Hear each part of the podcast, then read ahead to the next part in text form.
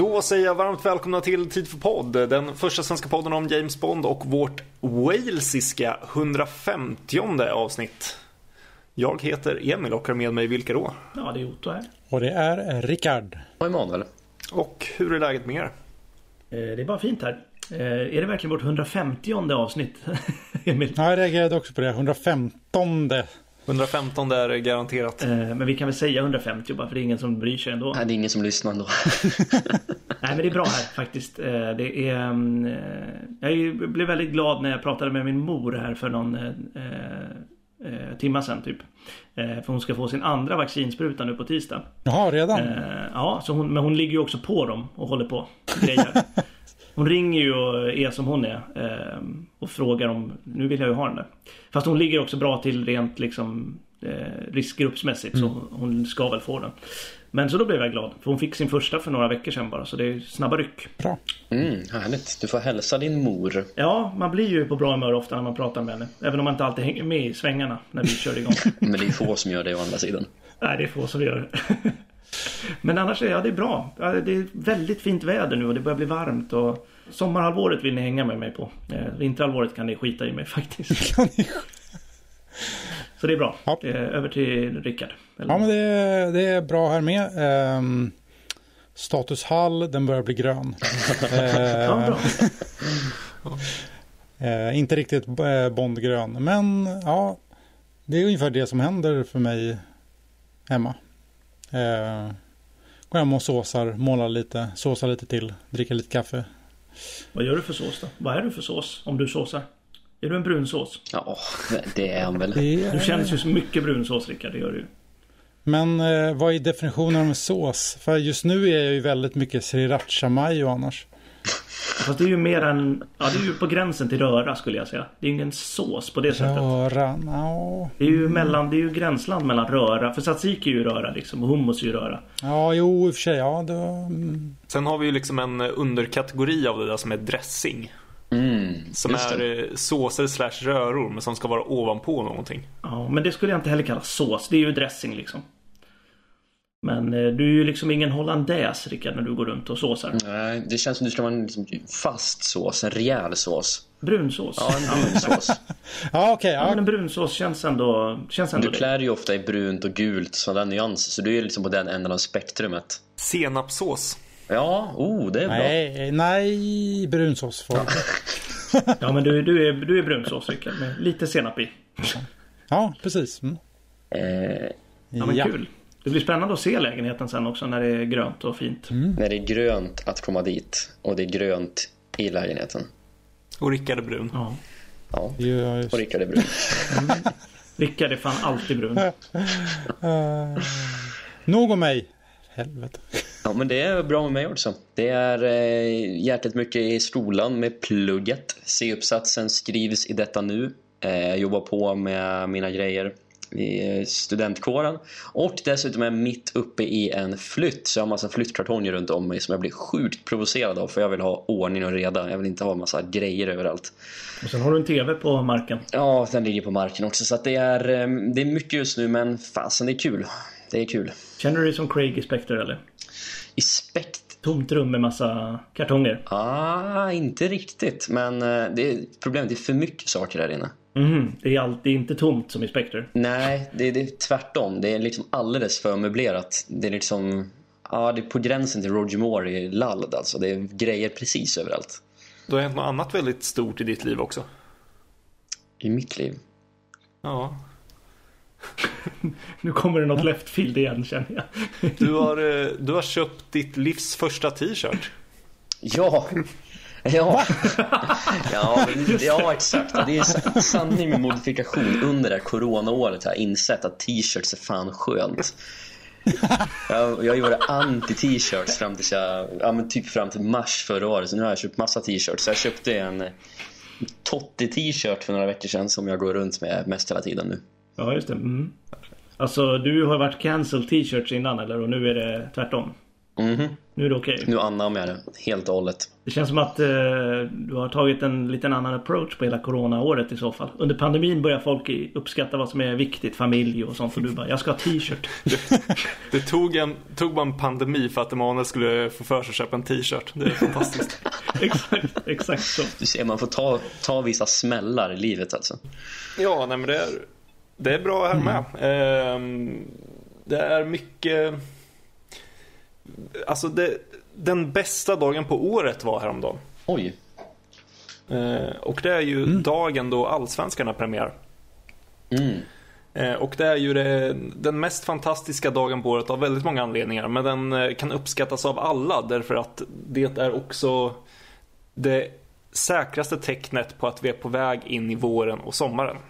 Ja. Oh ja. Bara av den anledningen så är det en dag värd att eh, fira. Så ja, mycket, mycket. Jag låg bara på soffan hela helgen och kollade på allsvensk fotboll. Det kändes så här helt fantastiskt. Bara kunna ligga och slökolla på mm, vet du, Halmstad-Häcken och det var bara så här, åh. Jag hade åh, otroligt trevlig helg. Ja, men ja, jag håller med. Alltså det var strålande fint väder i helgen och så bara var jag ute och gick. Fick notiser på eh, Flashscore. Bara, ja, nu gjorde Häcken mål. Jag bara, ja, jäklar. Så, då känner man verkligen att det är, det är vår. Mm. Det är så jävla... Ja, det är väldigt eh, skönt faktiskt. Vara igång igen med det. Även om det inte är med publik. Men det är ändå roligt. Faktiskt. Jag vill bara tillägga att jag eh, under dagen kollade på vår trailerreaktion till No Time To Die-trailern igen. Eller igen. Det var fan aslänge sedan jag såg den. Men jag fick sån jävla... Jag hade typ gåshud halva videon. Jag var inte beredd på det kan jag säga. För jag satt och så här, slog på den bara för ja, Och eh, jag bara här, helt, gick in helt nollställd och bara det här kan vara lite kul att se hur vi reagerade. Jättegåshud. Den ser ju asfräsch ut filmen. Det var som att jag upptäckte trailern på nytt typ. Jag tror du skulle säga att du själv såg fräsch Ja, det skulle jag kunna ha sagt. Eh, Men det gjorde jag faktiskt inte. Jag hade valt en väldigt osmickrande vinkel på mig. Men, men eh, nej, det var ju fan fortfarande fräsch. Vi har ju snackat mycket om att filmen är ju gammal nu typ. Men jag tycker fortfarande den ser asfräsch ut. Mm. Det har jag gjort idag. Ja, Jag, jag har en i alla fall Bond-relaterad nyhet i mitt liv och det är att jag har eh, beställt eh, Kabbis självbiografi. Eh, som man väl får läsa till kanske ett framtida avsnitt. Eh, jag är bara lite provocerad över den för jag tycker att den har så ofantligt dålig titel. Den heter ju When the Snow Melts och det tycker jag bara är Alltså, Ja, vad syftar det på egentligen? ingen aning. Man får väl hoppas att det har någonting med boken att göra för det är en fantastiskt dålig titel. Alltså det låter ju som en refuserad titel till någon Bondbok. Eller till ett kapitel till och med som har refuserats. Ja, alltså det är jätteintetsägande. Så, men jag hoppas att boken levererar. Får väl se när den kommer. Ja, hellre en bra bok och dålig titel än tvärtom. Ja. Men har det hänt något annat nytt i Bondvärlden? Ja, det är ju det här om eh, den lilla notisen om eh, nya Bondspelet som flashade förbi här om veckan. De, eh, det var en intervju med utvecklarna på IO Interactive, heter de väl. Och det stora man kan ta med sig från den intervjun är ju att det kommer vara en helt ny Bond. Det kommer inte vara baserat på någon av skådespelarna. Och det var väl eh, också att de ska hämta inspiration, eller uppdraget i sig är nytt med att de eventuellt hämtar inspiration från filmerna och böckernas värld. Så det känns ju spännande. Från allt som har med Bond att göra i princip. Så en ny Bond och ett helt nytt äventyr har vi att se fram emot. Alltså det känns ju inte som att de... Det där med ny Bond visste vi ju sedan tidigare. Eller jag visste det i alla fall. Ehm, men... Um, och originalstory visste vi väl också att det skulle bli. Men just att... Det stora som jag tog med mig var ju just att de nämnde The Films and the Books. De hade ju inte sagt och böckerna. För ingen hade brytt sig. eh, Av gemene man. Om det inte hade varit så att de har något från böckerna, tror jag. Nej, absolut. Precis. Men man säger ju inte filmerna och böckerna om det inte är något från böckerna. För det är ju ingen som... Alltså... Det är ingen som bryr sig. Nämnde de inte också de, de tidigare spelen? Jo, de sa everything typ. Ja. Så vi kanske får en direkt uppföljare till något tidigare spel. Det hade varit något. nej, vill, vill man det? Nej, det vill man verkligen inte. Legends. De gör en uppföljare till Legends, en trilogi. Ångest deluxe. Sen såg jag också att eh, Enzo Schiotti som gjorde de italienska filmaffischerna till de tidiga Bondfilmerna dog igår. Det är också värt att ta med i den här podden va? Var det han som kom på Mr Kiss Kiss Bang Bang epitetet? Oh, ja, ja, det känns ju väldigt italienskt va? Ja, men det kommer ju från, det kommer från Italien, precis. Men det kan också ha varit någon, det, ja, jag vet inte var det kom. Men det är någon, någon snubbe i Italien som hittar på det. Eller, ja. Gud alltså. Ja. Itali ja, Italien alltså. En, en sak vet vi i alla fall om honom och det är att han definitivt inte är klädd i en t-shirt. Enzo Schiotti. Han gick, han gick med en skjorta som var lite för uppknäppt hela tiden tror jag. Om man får vara lite sådär fördomsfull. Ja, Italien. Herregud. Men han bar ju Han bar upp det med den äran känns det som.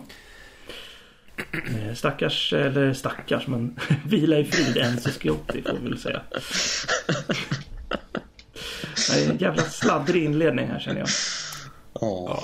Faktautmaning har vi idag igen. Och eh, den här eh, dagen så är det Rickard som har en fakta som vi och ni som lyssnar förhoppningsvis inte känner till. Eh, oh mon dieu, my god, what is going on? Ska du prata Ghana? Mm, Gärna. Nej, eh, det ska jag inte. Jag, ehm, Fan. sp- jag har spinner vidare på ehm, tv-spels eh, slash datorspelsvärlden. Det här, jag var ju inte med i eh, ert eh, tv-spelsavsnitt. Nej. spelavsnitt. Eh, Och det var därför också väldigt länge sedan jag lyssnade på det. Så att jag hoppas banne mig att det här inte letat sig in i i det avsnittet. Att, eh, för att jag känner inte till det här sedan tidigare i alla fall. Ehm, för jag vet att förra veckan, eller förra veckan, förra gången eh, i avsnittet som jag inte var med i. Åh, fantastiskt avsnitt, förresten. Jag måste ju gratulera er till det. Det var ju otroligt roligt att lyssna på. Det var väldigt roligt att göra faktiskt. Ja. Ni pratade ju lite om det här vad ni liksom sk- skulle vilja ha i ett kommande Bondspel. Ehm, och då nämnde ni lite kort att det skulle vara coolt om man kunde välja vilken Bond man kan vara. Och faktum är- att under utvecklingen av Goldeneye 64 så var tanken att man i multiplayer skulle kunna spela med alla Bond. Mhm. Åh, jäklar. Just det. Mm. Ehm, det, det finns en del eh, material som visar hur det skulle ha sett ut. Alltså de hade ändå kommit så pass långt att man hade börjat skapa ehm, skapa utseendena för dem. Eh, jag ska säga att Lazenby var då såklart inte med. Utan det är eh, Brosnan, Connery, Moore och Dalton som man skulle eh, ha kunnat spela med. Såklart. Eh, och då har, eh, nu ska vi se så att jag säger, säger rätt. Eh, precis, Sean Connery är den enda som går runt i vit smoking. De andra har eh, svart smoking. Eh, och det här, det var liksom då deras, vad hette de som gjorde det nu då? De hette Ra... Rare. Vad sa du? Rare hette de. Ehm, de ville göra det här och började då utveckla det här eh, med de här valmöjligheterna i, i multiplayer. Ehm, men sen när det då kom fram eh, och Ion fick veta det så, så la ju de då in sitt veto för som ni vet, ja, sen tv-spelarna börjat göras så får, eh, får de bara göra spel baserade på den nuvarande Bond. Eh, så att de var tvungna att plocka bort eh, det, den detaljen helt enkelt. Och, eh, men det, och, men det, det finns kvar lite screenshots, screenshots, eh, tidiga screenshots på de fyra bondarna eh, och hur de såg ut och de ser ut precis så som ni kan gissa att de ser ut. Det är liksom det är svårt att se riktigt vem som är vem. Om om man kisar riktigt ordentligt så kanske man kan gissa. Eh, men det tycker det är sånt. Ah, det är ju ändå mysigt. Alltså, tänk om man hade kunnat springa runt där med. Jag som ändå. Jag som är gammal nog att. Eh, spelat ganska mycket Goldeneye. Typ det enda Bondspelet jag spelat mycket av. Eh, springa runt med Dalton där och Ja. Karate choppa ner Sean Connery. Det hade ändå varit en cirkelslutning som heter duga. Verkligen. Det, det finns ju eh, till och med videoklipp tror jag på när de har, jag vet inte om det var original eh, liksom grejen men jag tror att de har gjort ett mod till det så man kan spela det i alla fall. Mm. Jag har för mig det. Ehm, Men eh, vi kan väl slänga upp lite bilder i alla fall på hur de såg ut eller? Absolut, verkligen. Det är en bra fakta ta mig fan. Ja, ja, det är riktigt kul. Det hade jag faktiskt ingen aning om. Och kul också när vi pratar om det här, apropå nya Bondspelet. Mm. Så kommer du med en riktigt relevant fakta, Rickard. Snyggt där. Ja, riktigt bra. Relevant fast 25 år gammal. Ja, men det är så det ska vara den här podden. Alltid ett steg bakom. Det är som du Rickard. Du Ja, är herregud. relevant och 25 år gammal. Ja, 25 år äldre än vad ni är. Ja, ja. Det behöver vi inte säga. Ja, tack för mig. Ja, tack själv. Och med det så tycker jag att vi hoppar in i dagens eh, avsnitt. Som vi får se, det här kanske kan bli en eh, start på en, eh, ja, en avsnittsserie eller poddserie. Vi får väl se. Eh, det finns ju några skådespelare som har spelat Bond och vi insåg att vi inte riktigt har gjort ordentliga avsnitt om varje Bond-skådespelare och deras karriär. Så vi tänker väl att vi testar på, testar på ett sånt och idag så reser vi till Wales och går i en viss herres fotspår. Det har helt enkelt blivit tid för Dalton och Pricklepants.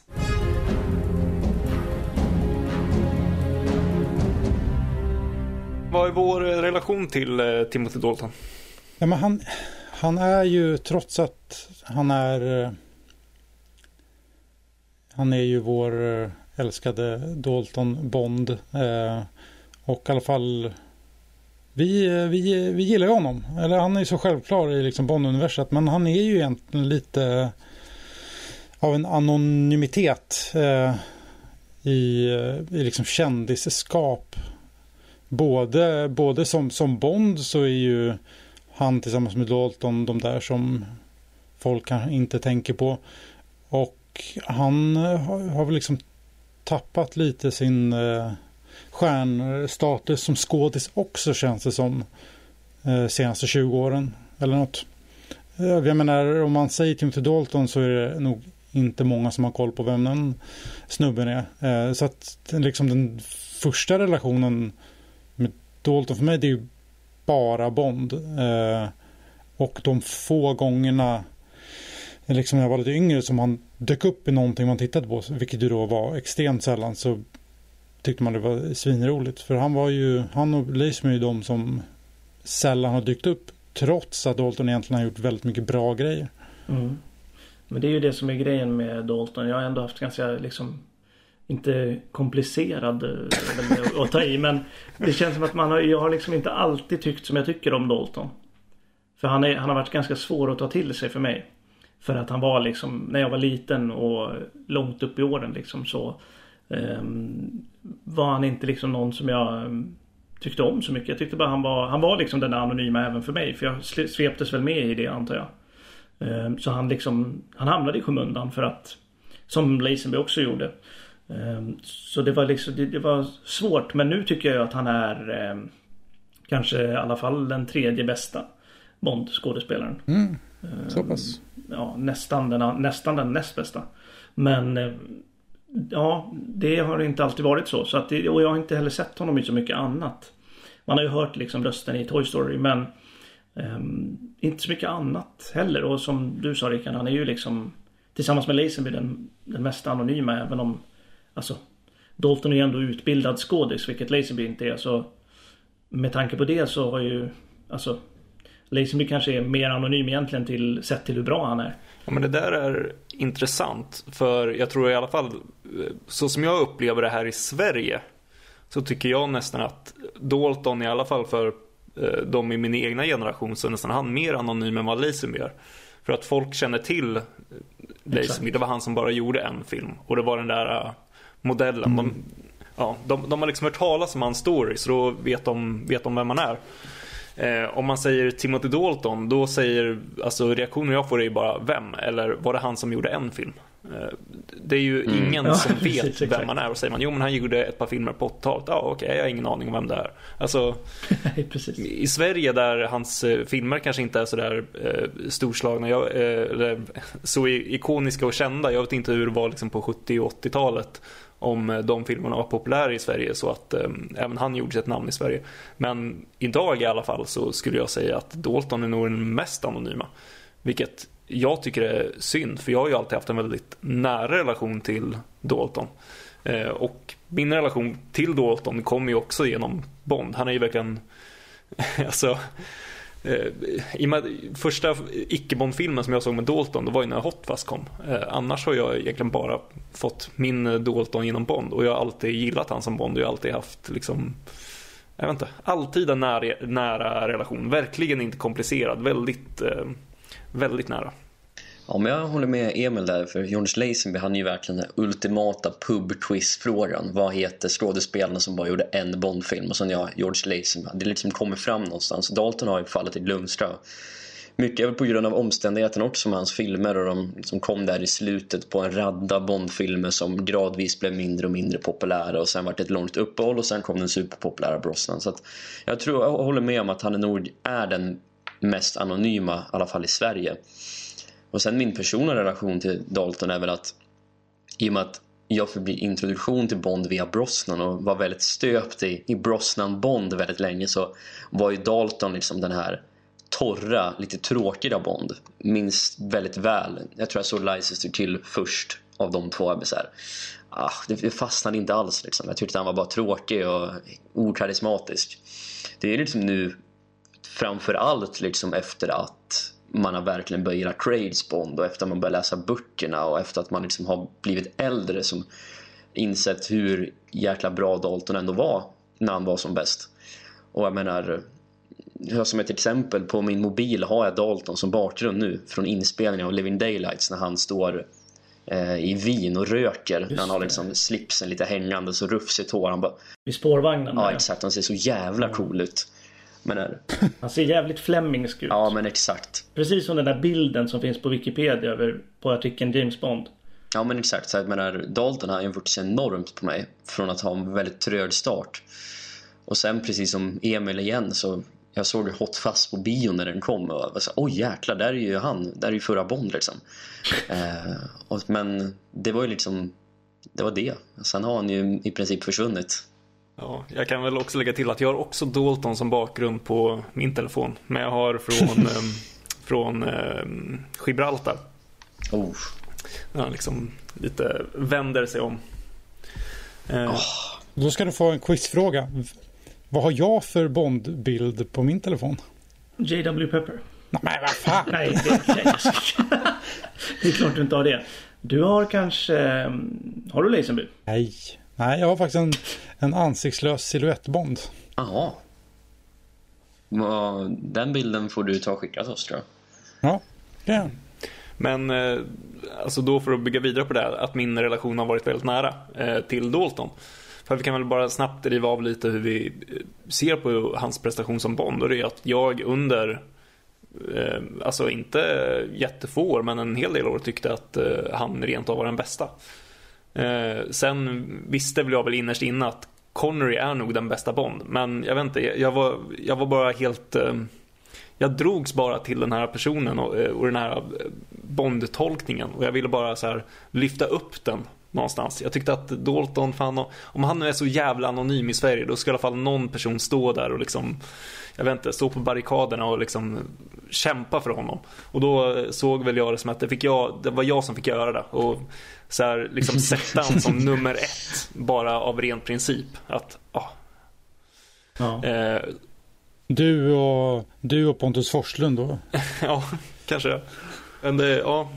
Men alltså, jag har ju den relationen som Emanuel har ungefär. Komplicerad var nog fel ord, men jag hade honom, jag tyckte han var lite torr och tråkig som du sa Emanuel. I början. Men som du sa, han har ju växt otroligt mycket sen, senaste, senaste tiden. Mm, men det är något med det där att uh, jag, förstår den känslan Emil, att man kan liksom se att Sean Connery är bäst men ändå så kan man ha kan du liksom ha Dalton som en liksom favorit på något sätt. Det är liksom skillnad på vad man tycker är bäst och vad som liksom är någon sorts personlig kittlande favorit sådär. Det, mm. Jo, så är det ju verkligen. Alltså jag har ju efter Conrys liksom naturliga dragningskraft som vi har pratat om gång efter annan i podden. Att han har går in i ett rum och bara äger rummet. Så är nästan Dalton den som gör det näst bäst efter Conry för mig. För man vill liksom titta på honom. Han har någon... Han, han försöker inte men han har ändå den där liksom dragningskraften som gör att man liksom vill titta in i hans ögon och förstå, förstå honom. Och blir liksom, jag blir det i alla fall. Jag blir väldigt så här intrigued för att hitta ett, eh, för att jag inte hittar svenska ordet. Men liksom man blir Indragen. indragen i hans liksom psyke genom hans blick, hans sätt att liksom vara. Jag vet inte hur jag ska sätta ord på det men typ som Conry fast snäppet snäppet sämre och Conry är ju makalöst bra på det så Dalton är definitivt bra. För jag får inte alls samma känsla av Brosnan till exempel som försöker alldeles för mycket. Eller Craig heller. Eller Moore. Moore ser jag på ett annat sätt än det. Jag blir liksom mm. inte så mm. nyfiken på Moore. Han är mest bara så här, ah, kul att titta på lite. Han är skön. Men jag tror mycket av det har att göra med att Dalton ändå är en klassisk skolad teaterskådespelare. Han fick ju lära sig tidigt att vad det innebär att ta, ta en scen liksom, och verkligen uttrycka sig med mimik och sin röst och allting på ett sätt som de andra skådespelarna som spelar Bond kanske inte riktigt fick. Och där kan jag hålla med om att Dalton är väldigt... Ja, men man, man gillar att titta på honom för att det händer alltid någonting i hans skådespeleri. Och jag vet inte vem jag skickade till men jag såg Living Daylight senast för typ ett år sedan så är det scenen i eh, kaféet där på, på Prater Café är det väl. Mm. Uh, ja, det han beställer in en kopp kaffe och sitter och snackar med Saunders. Och sen hade jag aldrig noterat den lilla detaljen men han tar en klunk av kaffet, sätter ner kaffekoppen gör en grimas och skjuter undan kaffet som att det här var inget bra. Och en sån där liten, liten sak säger så jäkla mycket om honom som Bond. Mm. Och eh, jag vet inte, det känns som att Dalton för mig i The Living Daylights är en helt fantastisk Bond. Alltså där sätter han det totalt, rakt upp och ner. Han är 10 av 10 där. Sen gör han License Kill och den filmen är ju inte lika bra och då dras han ner i det också. Men baserat enbart på Living Daylights så är han ju superbra. Alltså det, där finns det ju jättemycket att liksom ta på. Ja men det är ju, för mig är det ju Living Daylights, där är han han är, där är han Bond så precis som jag vill ha Bond. Alltså det är, det är så, fingertoppskänslan är så himla hög. Eh, både hur liksom teamet hanterar Dalton och Eh, en ny skådis i rollen men också hur Dalton själv tar sig an det. Och sen är det, jag, jag ser ju i License to Kill samma skickliga skådis med fantastisk mimik men som en, en, liksom en skådis som inte på samma sätt orkar bära upp den trötta filmen. Det är som att han liksom man ser att han vill och man ser att han kan men att det är lite för övermäktigt för att det är, det är som att allting runt omkring honom eh, liksom han får dra med sig allting för att det ska funka och det, det klarar inte ens den bästa eh, Shakespeare-skådespelaren. Nej, och sen gör de ju inte jobbet lättare för honom genom att göra han till den i särklass fulaste Bond också. I, eh, i License to Kill. Så det är så här, man dras till att titta på honom i License to Kill av andra anledningar och av fel anledningar. Ja, jo. Alltså, jag tycker ändå att Ja men just det där som, som du var inne på Emanuel. Han är liksom i, eh, det är mycket, det är mycket liksom i The Living Daylights just så är det väldigt mycket, det är väldigt mycket han, han har väldigt mycket screen time själv i den filmen.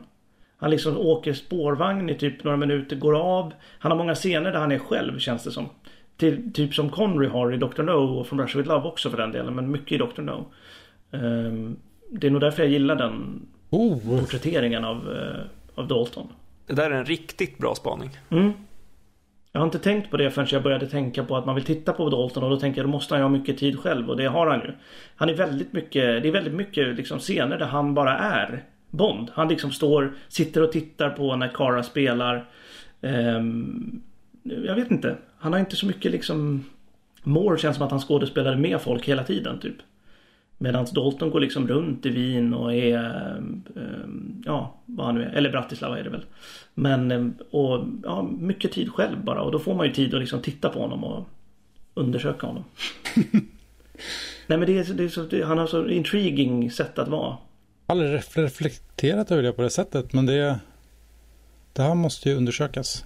Men som du säger, det känns, ja, det känns ju som att det är inte så många Bondfilmer där de faktiskt vågar ge eh, Bonden så mycket liksom Solistisk känsla. Liksom. Precis, och tid att andas och stå still och liksom Tänka. Ja, men eh, det är faktiskt mycket sånt i Living Daylights. Och som du säger, tidiga Connery har ju också mycket sånt.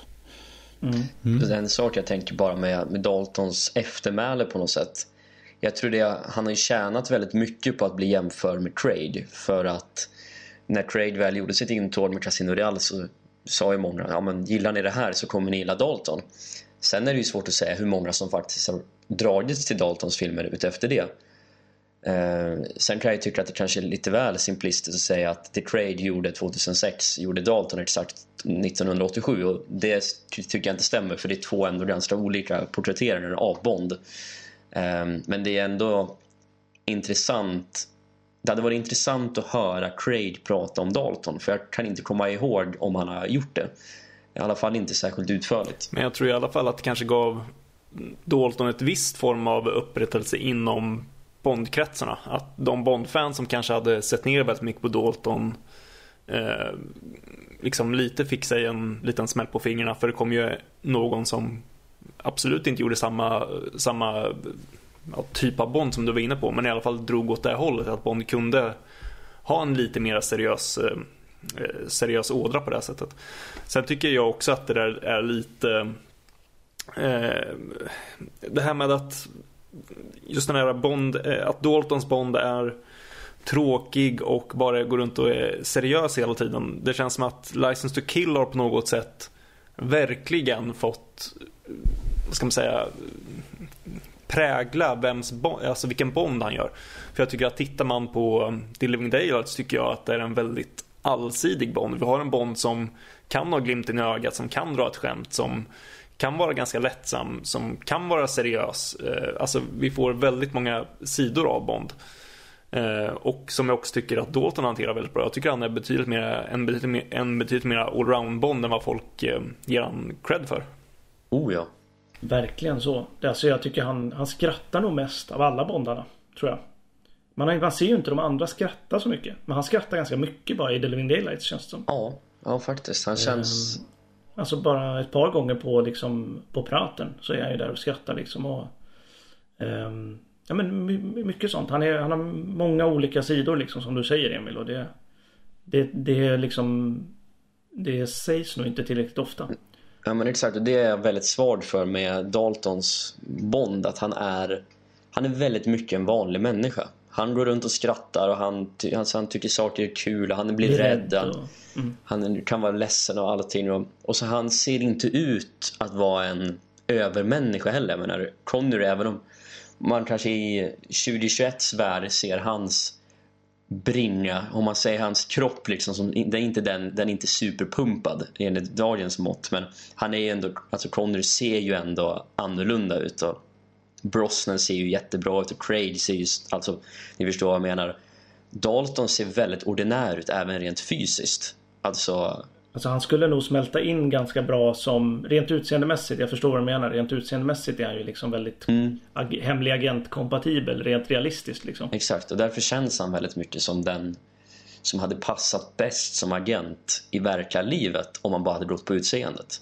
Exakt, han, hans utseende mera i agentfacket än vad det är i actionfilmfacket. Jo, verkligen. Verkligen. Jag tycker han gör så, så jävla bra i jag tror att det har med hans skådespeleri att göra också men just att han Han är liksom Han är bra på Det känns som att han smälter in Brosnan är ju liksom Dressman-reklam konstant Så det blir liksom svårt för honom att smälta in när man hör liksom Grattis Eskilstuna! McGordon Jeans när han går runt liksom och håller på i Sankt Petersburg hela tiden. Så som han är nu med skägg och allting, då är det Dressman-reklam. Då var det mera liksom eh, Visa och Mastercard som gällde. Ja, då är det Dressman.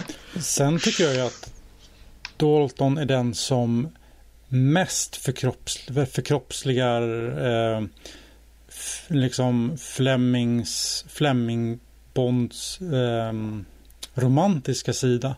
Alltså Dalton är den Bond som är mest trovärdig som en romantiker. Alltså inte som en liksom, liksom romantiker som raggar upp alla brudar. För det gör han ju inte. Det är ju, han är ju liksom antibond på det sättet att eh, det är ju liksom det är ju bara i stort sett bara Kara i, i hela Living Daylights. Och det känns väldigt, väldigt trovärdigt att han, att han skulle vara den Bond som Fleming beskriver kanske lite mot slutet, de senare böckerna. Uh, att han är väldigt han är väldigt mycket beskyddande men inte på, liksom, inte på ett lite så eh, Nedlåtande. Nej, precis. Liksom. Utan mer på ett romantiskt fint sätt. Och det, det just Bond och Cara har så bra kemi. Det är liksom det är en av mina nästan ska man säga, favoritpar i, i Bond-serien. Eh, mycket, mycket tack vare Dalton, hur han hanterar Bond i just de scenerna. Precis, men det är liksom den här romantiska biten i att han verkar genuint bry sig om, bry sig om dem. Mm. Eh, och den, eh, den aspekten är någonting som inte alltid eh, känns och syns i de andra på samma sätt. Men Dalton, alltså, både i The Living Daylights och Lies to Kill känns som att han verkligen genuint bryr sig om eh, de kvinnliga ja, eh, Bondbrudarna, eller vad man ska säga. Mm. Mm. Alltså, ja, jämför man bara med Roger Moore så är ju Roger Moore, han är ju stalker i vissa liksom. Han liksom följer efter, följer efter Louis Childs eller eh, Holly Goodhead till Venedig. I och för sig, han ska ju dit själv också, men han liksom går bakom henne i 200 meter i, vid en kanal i Venedig och bara Åh, det är du ju. Typ. Det är ju så här, Dalton, visst han kommer in i hennes lägenhet men han, ja, han liksom har med sig cellon och har liksom en anledning att vara där. Och han är inte där för att liksom lyfta på ögonbryn och annat liksom. Medan Moore gjorde det där nästan liksom nästan på rutin. För att eh, man köpte typ inte ens att han ville ha vissa av tjejerna han raggade på utan det var mer så här, ja det här ska jag väl göra. Det står i manus typ. Um, Medan som, som ni säger, liksom, Dalton är ju Han är ju jättetrovärdig. Det är ju den Den här relationen och um, Bond och Westbury Casino Royale som jag håller som mest trovärdiga. Jag köper liksom dem. För många av relationerna köper man ju inte. I, inte jag i alla fall. Det, ju, det gör han också väldigt bra.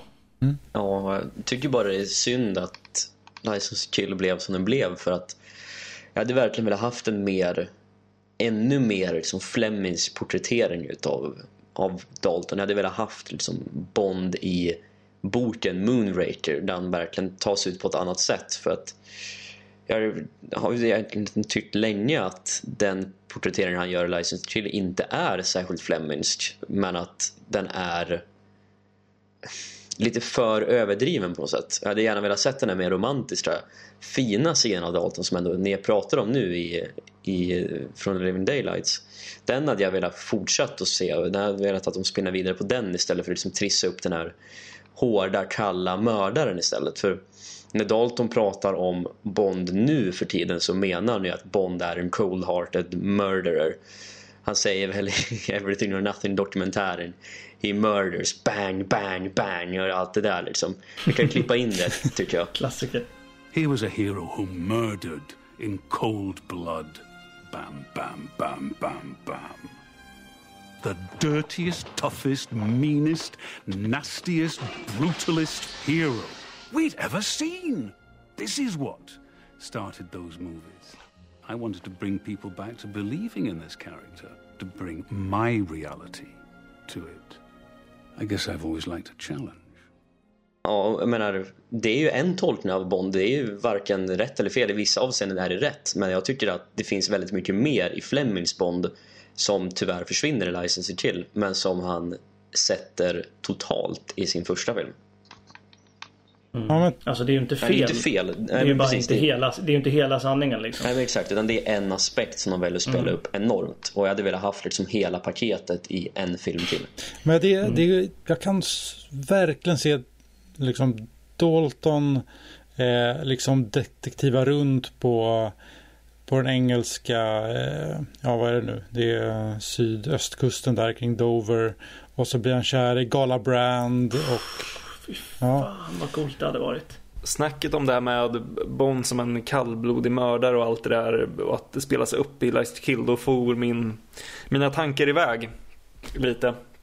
Och eh, jag funderar på det, alltså, det hade ju kunnat vara intressant om man hade kunnat kombinera någonstans det där med en, eh, en person som genuint bryr sig om några och typ lite tappar fattningen lite. Så kom jag på att vi har fått det en gång. Och det är så fantastiskt bra. Och det är Gunvald i Beck Hämndens pris. Just det. Så kan vi Ja, få sant. Gunvald i Hämndens pris fast mer, mer nedtonad och lite mer detektiv. Nu får vi någon som bara, jag vet inte, jag, halvvägs genom Lines to Kill så undrar man lite Har han glömt bort Felix eller vad, vad gör han nu? Vill han bara gå runt och döda folk? Jag vet inte. Han vill bara dö döda Dag Sjöberg i Ja. Jävlar. Men ska vi inte byta ut, ska vi inte byta ut Persbrandt för att spela Bond i License to Kill och Dalton spela Gunvald i Hämndens pris? Det hade varit något. Men det kanske, ja men eh, alltså det det är såklart en jättekonstig jämförelse men alltså på något sätt så hade man kunnat eh, kanske kunnat lösa den problematiken lite i to Kill genom att mer spela upp hur eh, psykiskt instabil Mm. Bond är. För nu känns det ju mest i to Kill tycker jag problemet är att han känns typ konstant under press. Han går bara runt och är forcerad hela tiden. I allt han gör. Han går liksom runt typ lite med förstoppning känns det som hela tiden. Och det är också att han, ja, Och bara tycker att allt är jobbigt. Vilket det är för honom. Men det, det, blir, inte så, det blir inte en så nyanserad bild av honom då. Det är inte så nej. kul att titta på Han det. går ju runt och är väldigt mycket arg. Och Mm, min bild av exakt. Bond är att han är inte så ofta arg. Han kan vara beslutsam och att han vill liksom eh, skipa, skipa rättvisa för, för Felix Leiter, sin vän. Men jag, liksom, jag har aldrig tolkat Bond riktigt som en arg ilsken person. Ehm, men det, det, är att det finns, med små medel hade man kunnat fick License to Kill till en, eh, tror jag, en fantastisk Bondfilm. Jag menar, vi är ju på miljöer som egentligen är liksom mumma för en Bondberättelse. Jag menar, Key West kan ju presenteras helt fantastiskt. Och liksom en Bond som går liksom runt i såna Hemingway-miljöer. Det hade ju varit hur fräckt som helst om de hade förlagt det rätt eller bättre. Ja, och en Bond som någonstans är allmänt sådär bortkommen eh, i, eh, vad ska man säga, livet, synen på livet. Han tycker att saker och ting bara blir meningslöst eller någonting. Ja, man hade ju velat ha lite mer av... eh, Man hade ju velat ha lite mer av Dalton ändå själv där. Det känns som att det är så jävla mycket teamwork mellan han och Sharky och alla som dyker upp liksom och håller på. Eh, Man hade velat ha en scen då han typ sitter och krökar själv eller något och bara mår dåligt. Ja, men exakt. De klippte ju bort den där scenen när han sitter på hotellrummet och Ja, röker och dricker någonting Det- och får på TV. Något sånt. Jag hade hellre... Ja, jag hade hellre velat se det typ i Key West. Eller i eh, Miami där. Ehm, typ sitta på någon pub eller något och bara... Jag vet inte. Dricka någonting. Vadå, Bara- finns det bilder från en sån scen? Ja, eller? den är ju... Jaha. Det är väl precis. Den är mer som bortklippt scen där på... Aha. Väldigt lik eh, Brosnans utstyrsel i Night när han sitter och sänker Smirnoff där i Hamburg. Men det är ju liksom något liknande den flygplansscenen i Quantum som hade Exakt. behövts i, eh, i License to Kill för att mer spela upp var Bond befinner sig känslomässigt någonstans. Men nu ser vi ju bara det arga liksom. Ja, men vi har ju den perfekta förlagran i boken Goldfinger som börjar med att han sitter på flygplatsen och dricker bourbon och hatar sig själv för att han precis har mördat någon kille i Mexiko. Men eh, de har ju bara kunnat lyfta ur den scenen in i License to Kill och vips hade vi fått en bättre film direkt. Och jävlar vad kul det hade varit ändå att se det. I någonstans. Jag vet inte. Efter han har dödat någon eller någonting. Sitter han och dricker en double bourbon. Ja, Och mår dåligt. själv dricker man bara double bourbon så mår dåligt utan att mörda någon. Bättre det än tvärtom. Ja. Bara mörda någon och inte dricka någon double bourbon. Exakt. Inte dricka någonting och må, må rätt bra ändå. Men för att eh, släppa Dalton som Bond och hans Bondfilmer så kan vi väl eh, gå in och snacka lite om hans eh, karriär i övrigt. Och vilka, jag, jag vet inte riktigt var vi ska börja här. Om vi ska ta dem. Jag vill, jag vill börja och- genom att ställa Otto en fråga. Jaha, va? Nej, men eh, jag bara liksom utgår från att vi alla har ganska kass koll på Daltons tidiga. Men jag, vi vet ju att du faktiskt körde lite method podding och vi satte det i soffan och tittade på Lion and Winter från 1968. Mm. Åtta. Mm. Mm. Eh, jag är bara väldigt, väldigt nyfiken på eh, vad du har att säga om den filmen. För jag har liksom ingen relation till den överhuvudtaget. Förutom att man vet att han är med. Mm. Ja, men vi kan väl börja med The Lion and Winter eftersom det var Daltons debut på film. Ja just det, det var det till Han var ju 22 år var han. Ehm, han ska spela en 17-åring så det passar ju bra. Men ehm, han spelar ju eh, Prince, eller King är han väl till och med. King Philip. Kung Philip från Frankrike. I, ehm, i eh, Lion and Winter. Och eh, det är ganska bra skådespel. Ganska bra, jag underdriver ju. Det är ju Peter O'Toole, Catherine Hepburn och Anthony Hopkins. Så det är mer än ganska bra skådisar med. Men de, de är väldigt bra. Ehm, och där går han in och spelar kung. Ehm, gör det med bravur tycker jag. Han, man märker redan där tycker jag att hans, ehm, han har det här liksom magnetiska som gör att man vill titta på honom. Än- Ändå som 22-åring och man märker ju att han är liksom klassiskt tränad för att det är ju som det är ju baser- Jag tror att den här filmen var en, en teaterpjäs från början har jag för mig. Vilket märks väldigt mycket för att vissa av kulisserna känns väldigt mycket som att de skulle kunna vara på en scen också. Eh, men han går in och liksom spel. Det känns väldigt Shakespeareanskt. Och eh, jag tyckte Dalton var jättebra i filmen. Filmen var väl sådär. Den var lite konstig. För det kändes lite som... Det kändes liksom inte 100% seriöst utan det kändes som att det kom in lite så här bizarra vändningar liksom. Det kanske bara var jag som inte riktigt förstod filmen. Men eh, den var liksom lite humoristisk i en annars väldigt seriös film. Eh, För den handlar i alla fall om eh, eh, Henry, eh, kungen i Storbritannien eller England som ska utse sin arvinge innan han dör för att han vill veta vem det är. Och då har han tre söner eh, varav en spelas av Anthony Hopkins. De två andra minns jag inte vilka som spelar.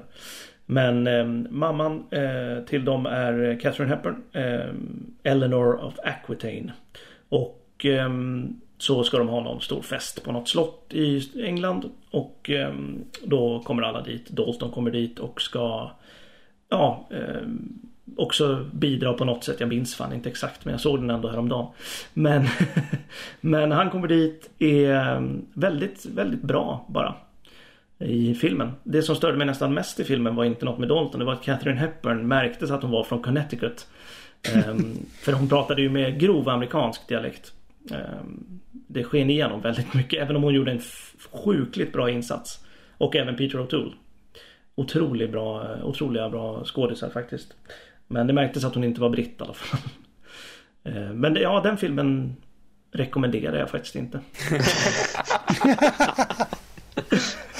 Det här är bra sammanfattning. ja men det var så här, jag har ganska svårt för kostymdraman överlag och den här filmen hjälpte mig inte riktigt. Eh, Det enda som var bra var, kulisserna var rätt snygga faktiskt. Det är ju Peter Merton. Nej. Och ehm, eh, Timothy Dalton är ju för övrigt den Bond som ligger närmst i det territoriet tycker jag. Han ligger ju ändå i Timothy Dalton, Peter Merton. Det är lite samma. Ja, Timothy Mortson. Timothy Moxon, exakt. Det är den mest i, det, i den sfären i alla fall. Men sen vill jag också pusha lite för Barrys eh, musik. Fantastisk. Just det. Just det. Så, eh, och Douglas Slocum fotar ju filmen. Så otroligt bra, eh, snyggt foto. Men Dalton var jättebra i den och det, alltså han kändes inte som att han var 22 och det här var hans filmdebut. Han kom in med sån jävla självklarhet i filmen och bara Ja, tog ju tjuren vid hornen och ändå i en film som har de här namnen som jag nämnde liksom. Så den Alltså, ja, ni kan väl se den. Den var inte dålig så men Det var inte någon wow-upplevelse för mig. Ja, men kul att höra för jag, man har ju hört väldigt mycket om den här filmen. Mycket på grund av Dalton och mycket på grund av vilka skådespelare som är med. Men jag tror aldrig jag hört någon som faktiskt har sett den. Nej, jag har försökt se den i typ fem år. Jag har haft den liksom nedladdad på datorn i typ fem år. För att jag har velat se den. Så nu blev det av. Ja, för det intressanta med den här filmen var ju också att om nu det stämmer att Dalton var en av kandidaterna att ta över efter Connery redan inför Secret Service då hade det ju varit den här Dalton hade fått. Den här liksom unga, ganska orutinerade Dalton och det hade ju varit en helt annan rollprestation hade fått i sådana fall. För att tycka vad man vill om George Lazenby så ser han ut att vara äldre än vad han faktiskt var när han gjorde Secret Service. Men alltså, jag tycker att Dalton ändå ser ganska ung ut här. Jag tycker han ser alldeles för ung ut för att kunna vara Bond. Ehm, och eh, ja men för några år sedan så tänkte jag att jag skulle se igenom en film av varje skådespelare. Av, av varje Bond-skådespelare. Så att när jag väl kom till Dalton stod det mellan den här och Wuthering Heights. Det är väl av Emily Bronte. Mm. Är det väl egentligen. Och han var ju med i filmatiseringen för 1970. Och jag tänkte, ja men jag kollar på den för den fanns på Youtube. Eh, och det var ju liksom ett tv-drama som var, gick på BBC. Och lite samma sak där som med dig. Jävlar vad polisen kommer här. Oj oh, jävlar, biljakt. Ja. Satan! Ja, det var en jävla biljakt här utanför. Uh, ja, hur som helst. Uh, ja, precis som du har jag väldigt svårt för kostymdraman överlag. Det är, liksom, det är den filmgenren jag knappt liksom kan engagera mig överhuvudtaget.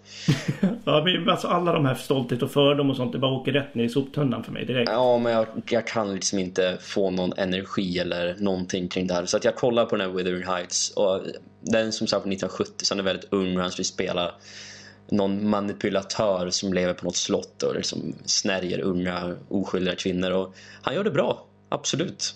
Jag kan verkligen se mig att det är sånt där Dalton vill göra, liksom sådana tunga gamla brittiska pjäser. Omringas ja. med bra skådespelare och mycket dialog och det ska vara liksom ute i... Cred. Ja men cred, det ska liksom inte skrika mm. cred över det. Så han ska stå ensam i höglandet i England och bara se känslosam ut.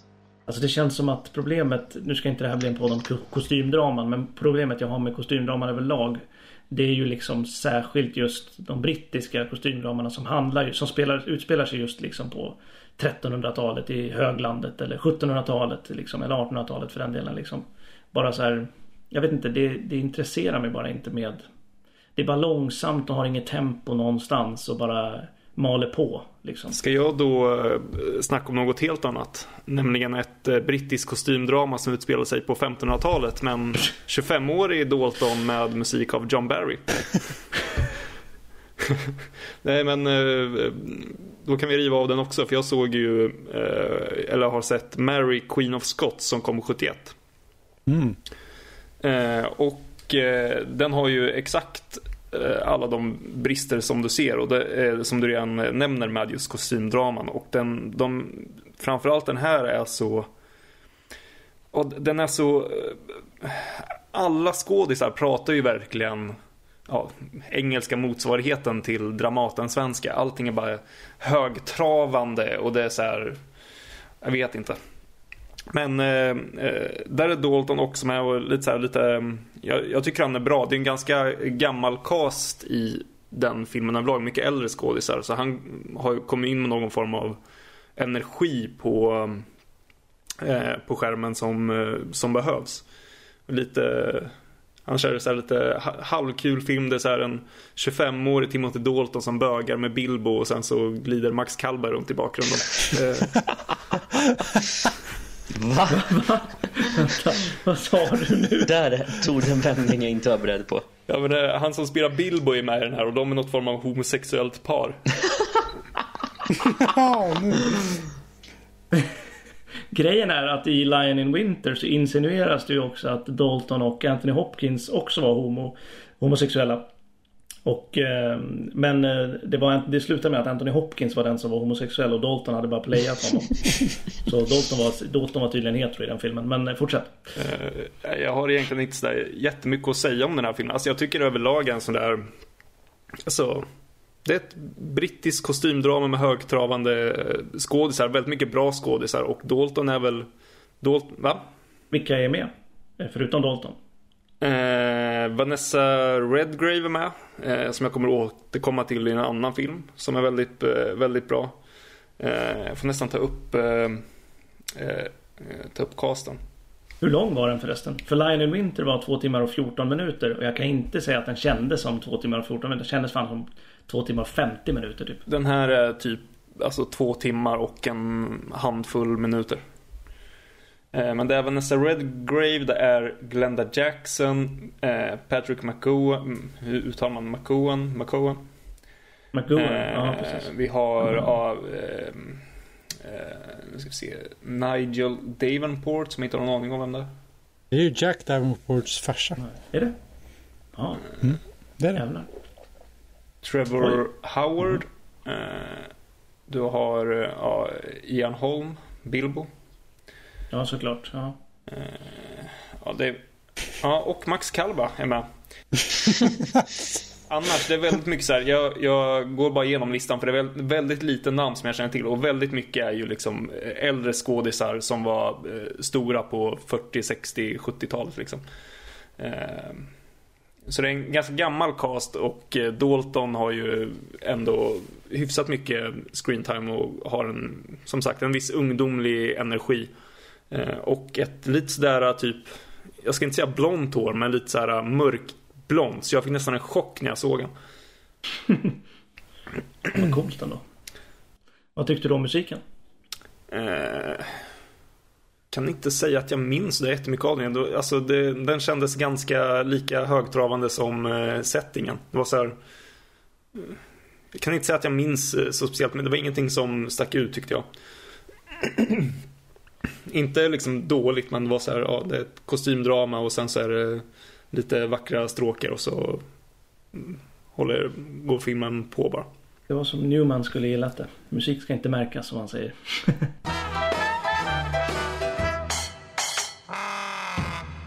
Jag har sett en till film före Bond. Ja, jag med.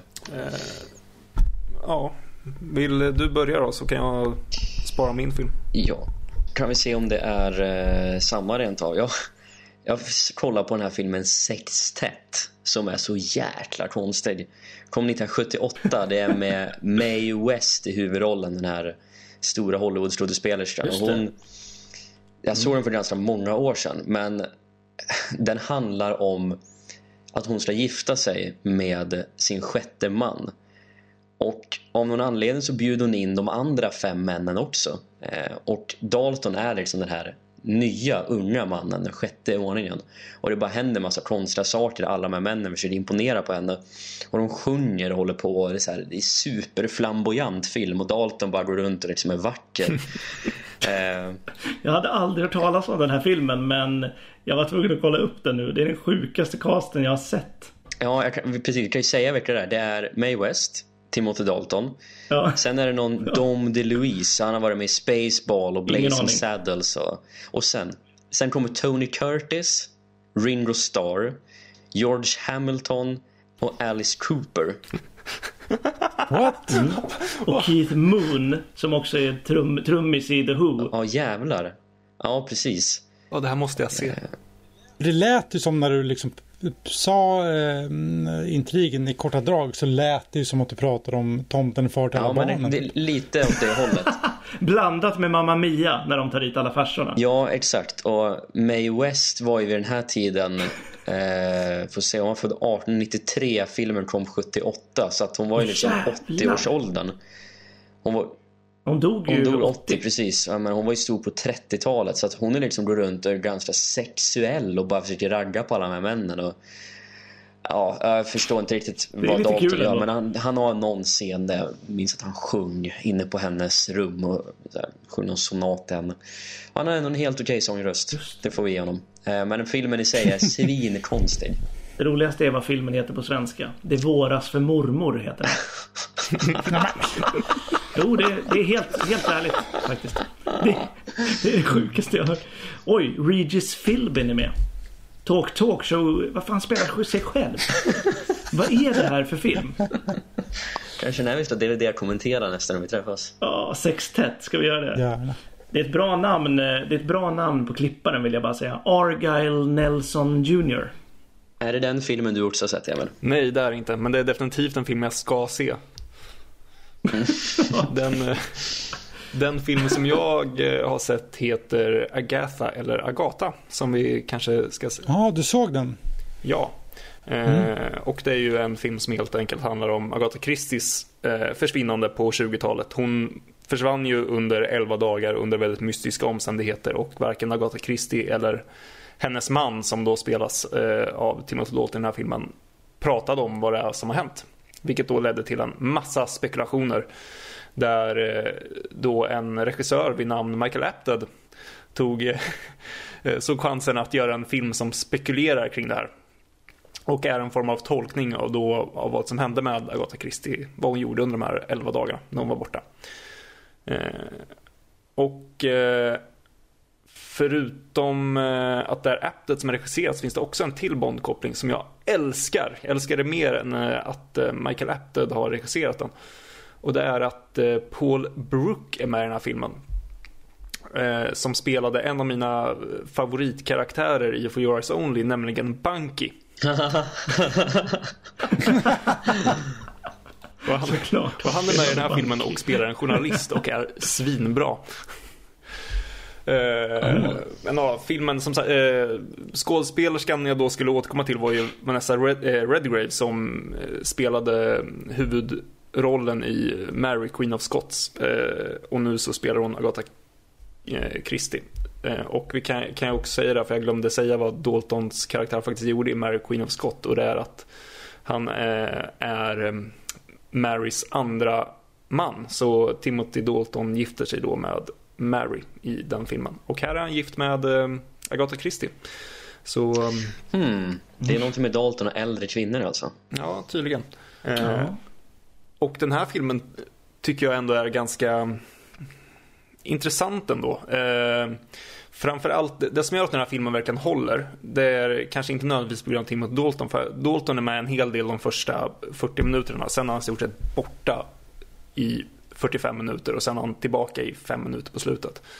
Eh, men det som gör den här filmen sevärd är framförallt är för att eh, de två som har mest screen time i hela filmen, nämligen Vanessa Redgrave och Dustin Hoffman, är svinbra. Eh, och det är väldigt mycket, alltså det, det här är ju en film som nästan hade kunnat vara en typ ljudbok. Det är väldigt, väldigt mycket dialog bara. Det är väldigt mycket folk som bara sitter och pratar eller som tänker något eller så.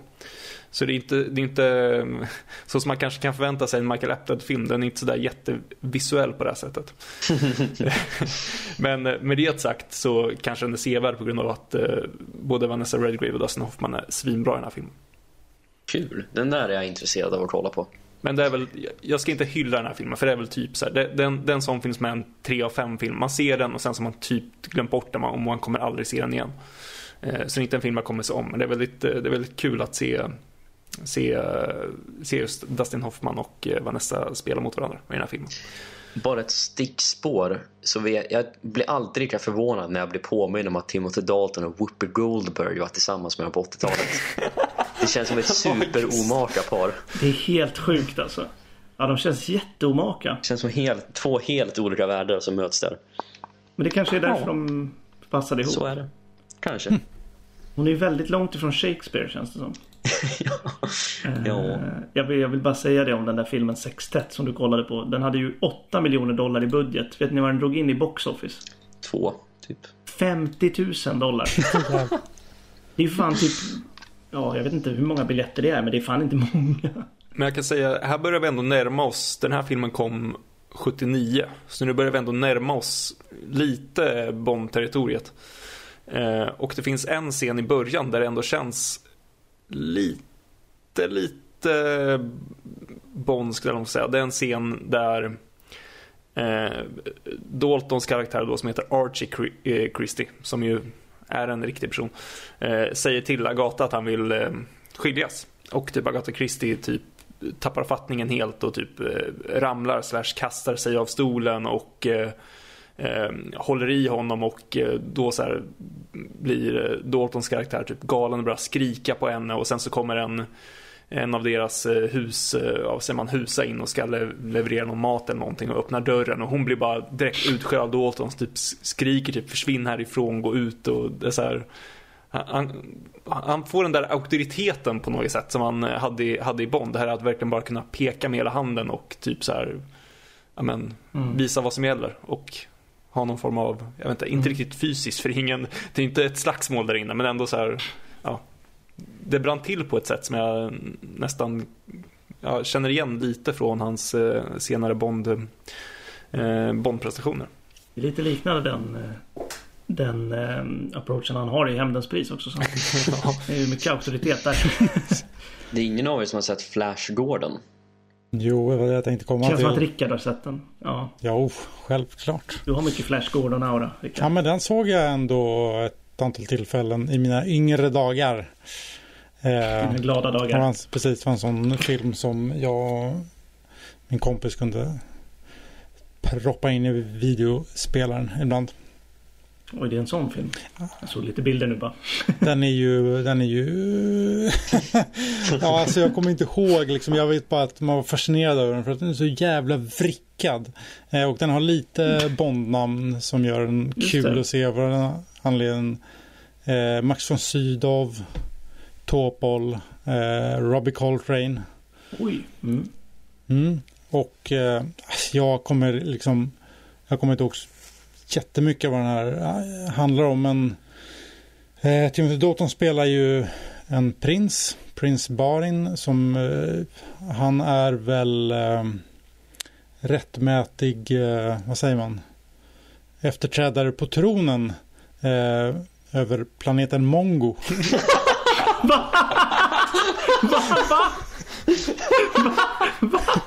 Åh, herregud.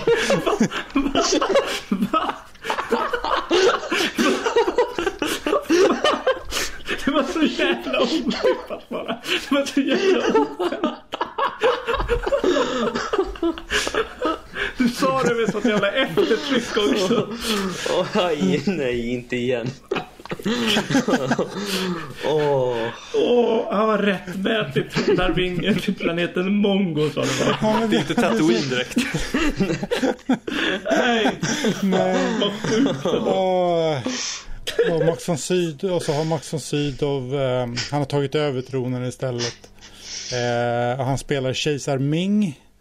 Det, är- det är bara mycket konstiga namn och kon, konstiga liksom kostymer och så, så är det ju en ehm, en fotboll, amerikansk fotbollsstjärna eh, som då heter Flash Jaha. Gordon.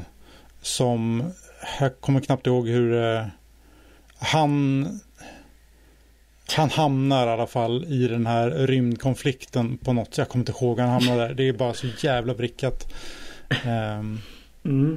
det är liksom, Jag har svårt, att- svårt att släppa att planeten Mongo är med. Ming, Ming heter han som leder planeten Mongo också. Jesus. ja men det är, ja alltså den här filmen har ju ett ganska stort kultfölje så vitt jag förstår. Så att eh, jag, är, jag är väldigt, väldigt sugen på att se den här igen för det var ganska många år sedan nu. Eh, för det är ju en sån LSD-trippfilm känns det som. Jag tänkte precis komma in på just det där med kult, eh, att det liksom har ett, liksom ett, eh, att det är en, det är en sån typ av film. För jag har egentligen bara en enda relation Mm. till den här filmen och det är att den eh, har en viss roll i filmen Ted. Där, Mm, där de är helt Mm. fascinerade av den här filmen. Och där den Precis. påverkar handlingen. Och där, eh, i den filmen sjunger de även All Time High i slutet. Just det. I filmen Ted eller Flash Gordon? I, i filmen Ted. Okej, ja. Ja, just det. Det minns jag fan. Jag har inte sett den, men jag minns att det är med där. Queens titellåt till Flash Gordon är ju fantastisk. Däremot om ni inte har hört den. Ja, Det har jag inte hört. Mm. Queen gjorde ju titellåten. Eh, Just det. det är också väldigt kreddigt. Där och då, liksom 1980 kom väl den Ja, här det. filmen. Mm. När Queen var på sin absoluta topp. De eh, gjorde ganska mycket filmmusik där på 80-talet ju. Ja, kanske. Vad gjorde De gjorde de? ju Highlander tillsammans med Michael Kamen. Ja, just det. Mm. Ehm, så, men det är ju credit att ha Queen oavsett hur många filmer de gjorde. Ja, men man måste ändå gilla att Dalton verkligen blandar högt och lågt. Han gör liksom Line in the Winter, Wuthering Heights, Sextet och Flash Gordon. Ja, Det känns som att han hade börjat tumma här lite på det där med att det måste vara kreddigt och tungt. Det var ju Peter O'Toole har ju aldrig varit så långt ifrån en film som han var eh, Flash Gordon känns som. Nej, jäklar. Men alltså jag, Ja, det är, jag gillar ju verkligen Dalton i oseriösa roller. Alltså han, är, han har en fantastisk komisk timing. Eh, som han ju inte direkt fick utöva i början av sin karriär. Men eh, som vi ju kommer se mer av eh, senare. Ja, för sen, är det någon som har sett något mer innan han gjorde Bond? Eller gjorde han Bond och sen så ska vi ta oss an hans eh, post-Bond-karriär? Ja, jag känner inte till vad han något mer som han har gjort innan Bond i alla fall. Nej, det är inget jag har sett där. Det går på 90-tal. In i nutiden. Ja, alltså jag har sett The Rocketeer och den jag såg den nästan helt och hållet på grund av den filmens affisch som kanske är den snyggaste filmaffischen som någonsin gjorts. Ja, den är riktigt snygg faktiskt. Alltså den är helt fantastisk. Åh jävlar, den ser typ Fritz Lang-osande ut. Exakt, ja, eller hur? Jävlar. Metropolis typ. Precis. Eh, Jävlar, ja det är ju art deco också i och för sig. Ja. och eh, det här är liksom 1991 när Daltons tredje film borde ha kommit. Och det här är ju liksom en superkul film. Den har jag sett ett par gånger för den har gått på tv ibland på så här lördagskvällar på typ tolvan. Eh, och det är liksom en superhjältefilm i grund och botten. Och Timothy Dalton bara går runt med sin mustasch och är cool och går runt i mycket så här, tredelade kostymer och flyger runt och skjuter med vapen och bara är liksom skön. Alltså, Men den är väl ändå rätt känd ändå, The Rocketeer? den här är, ja men absolut. Och jag vet inte riktigt vad jag ska säga om den mer än att den är bara väldigt underhållande. Det är en lättsam film. En tidig superhjältefilm. Precis, jag, jag har sett den också så här någon gång för länge, länge sedan. Ehm, det var väl också, det var nog i liksom den vevan när jag började så här gilla Bond och så försökte man så här ta reda på mer om Dalton och så då kom ju den filmen nära till hands för då var ju den bara ja men 8-9 år gammal kanske. Ehm, den är väl lite mer bortglömd nu. Det är ju kul, kul att du har sett den för det känns som in, det är inte jättemånga som kanske har sett den nu för tiden. Eh, Men eh, jag minns som sagt inte jättemycket. Men jag minns att det var liksom, det är en rolig film. Det är en underhållande film. Eh, sen kan inte jag svära på om den håller fortfarande. Men du verkar vittna om att den kanske ändå lite gör det. Det känns som den här också har fått en kultstatus för Mm. eh, Dalton spelar ju, jag tror han spelar huvudantagonisten om jag inte minns helt fel. Han är väl någon nazist för att filmen går ju ut på att det är en ung pilot som har hittat en jetpack och ska bli superhjälte och ska utrota nazismen och Dalton är nazist då. Eh, Och liksom, det roliga med den filmen det är att allt är så jäkla överdrivet. Det känns som att läsa en serietidning. Och de, alla skådespelare är liksom med på vad den här filmen är för någonting och bara liksom skruvar upp cheese-faktorn till 120 för liksom Dalton är ju bara helt galen. Um, och det är lite kul att se, särskilt hur han ser ut i den här filmen, hur han skulle kunna varit i en tredje Bondfilm. Så utifrån den aspekten så är den här filmen klart sevärd. Uh, om man inte liksom har någonting bättre för sig en lördagkväll så kan man kolla på The Rocketeer. Eh, jag har sett två, märkligt nog, eh, två tv-filmer från 90-talet med Dalton. Eh, först så är det Informant som eh, är en tv-film som handlar om IRA och ja, Nordirland. Som den utspelar sig på ungefär ja, sent 80-tal, tidigt 90-tal. Ehm, ja, en typisk tv-film som inte sticker ut supermycket. Dalton är ehm, ja, vem spelar han egentligen? Han spelar väl en polis som infiltrerar IRA, tror jag. Gud. Eh, ja, men det är så typisk brittisk eh, drama. Liksom, helt okej. Och sen har jag sett den fina Cleopatra Mm. med eh, Billy Zane och Timothy Dalton. Åh herregud. Billy Vad Zane. gör han idag? Det vill man inte veta. hoppas att han sitter inne. Typ. Det sjuka är att i, i, den här, eh, i den här rollen, vad- han spelar...